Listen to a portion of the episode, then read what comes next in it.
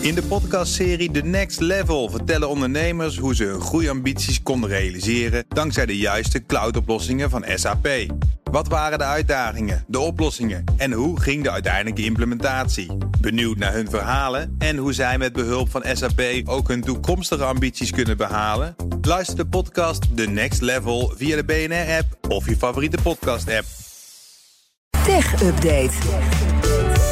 En Joe van Buurik is bij ons. Hey Joe. Dag Liesbeth en Kees. We beginnen met AI en dan specifiek de veelbesproken Europese AI-wetgeving, want die staat op losse schroeven. Ja, het lijkt zo mooi en belangrijk streven. Hè? De AI-act, dat wettenpakket dat al in de maak was voordat ChatGPT er was.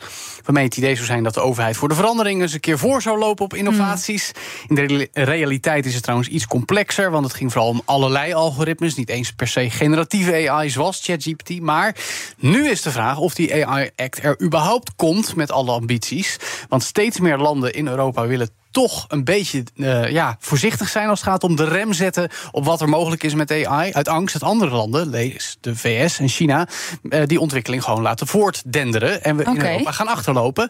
Vooral Frankrijk en Duitsland zijn daar een beetje bang voor. Dus die willen dat taalmodellen, dus dat GPT en ChatGPT bijvoorbeeld, niet aan banden worden gelegd. Andere Europarlementariërs vinden dat dan weer bezwaarlijk. Want dat staat een beetje haaks op het idee van die AI-act. Dus die liepen uh, afgelopen week boos weg uit een overleg okay. hierover. Melden aan Bloomberg en de site Euractiv. Dat is niet handig, want 6 december zou er een akkoord moeten worden verwacht over dit pakket. De eerste aanzet werd afgelopen zomer nog goedgekeurd. Maar ja, dat zou wel een blamage zijn, Lisbeth. Want de afgelopen twaalf maanden maakte juist Europa goede sier met de inzet om AI een beetje te beteugelen. Terwijl in de VS eerst alleen wat richtlijnen kwamen. Onlangs wel het decreet van Biden erbij. En de vraag is dan vooral wat Duitsland en Frankrijk willen. Toevallig is er vandaag trouwens ook een AI-conferentie in Madrid. Mogelijk gaan we daar later Ja. nog wat meer van horen over wat er nou precies geroepen wordt in Europa over AI en wetgeving. Ja, want ook in ons eigen land is er onzekerheid over de inzet van AI-toepassingen. In elk geval bij de overheid. Daar zou het worden beperkt. Ja, maar daar is wel weer wat nieuws over. Dus het is nieuws van vanochtend en nieuws van vanmiddag.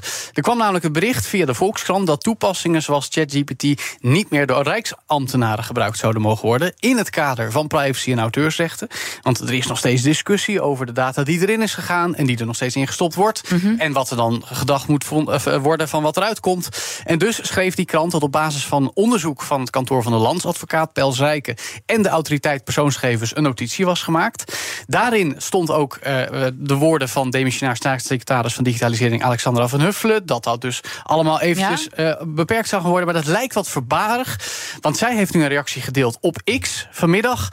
Eh, en ze nuanceert het naar een conceptversie van een standpunt. Nog volop in ontwikkeling. Ze zegt erbij: we sluiten onze ogen niet voor de potentie van AI-technologie. Onderzoeken de mogelijkheden. Maar de basis is wel dat we als Rijksoverheid moeten voldoen aan de bestaande wet en regelgeving.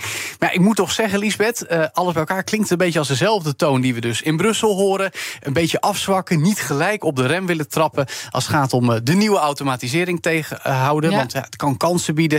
Ik verwacht dat we hier binnenkort wel opvolging over krijgen. Want Van Huffelen deelt ook nog op X. Ik ben in gesprek met verschillende partijen om te wegen wat werkbaar is. En voor het einde van het jaar wil ze erop terugkomen.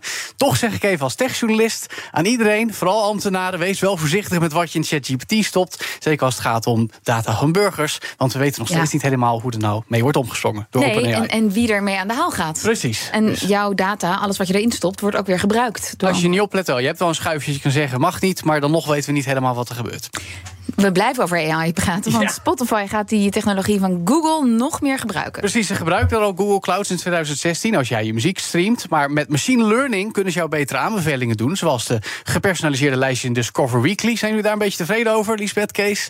Ja, dat suggesties gebruik ik eigenlijk nooit. Nee, Kees? Nee. Ja, ik vind het eh, altijd. eh, ik ken het vaak al. Ja, beetje. nou, Dus bij mij is het waardeloos de laatste tijd. Uh, ethisch en kindermuziek, daar heb ik niet zoveel mee. Eh, ik heb liever Ja, maar die kindermuziek, dat is toch wel een algoritme? Ik, ik probeer zo. het niet te Ja. luisteren. Dus, maar goed. Eh, eh, nu moet er eh, een, door deze partnership een betere samenwerking komen. En dus AI-taalmodellen die ervoor zorgen dat jij nog betere aanbevelingen gaat krijgen. Maar ook in het kader van podcasts. En ook het modereren van schadelijke content in podcasts. Iedereen kan alles opzetten. En Spotify wil vooral dat we meer podcasts en audioboeken luisteren. Want daar verdienen ze meer geld mee dan muziek. Ik ben wel benieuwd wat het gaat betekenen. Want vanochtend luisterde ik nog een podcast. Jawel, op Spotify, over Spotify. Ah. En toen stelden ze, het wordt de TikTok van de audio.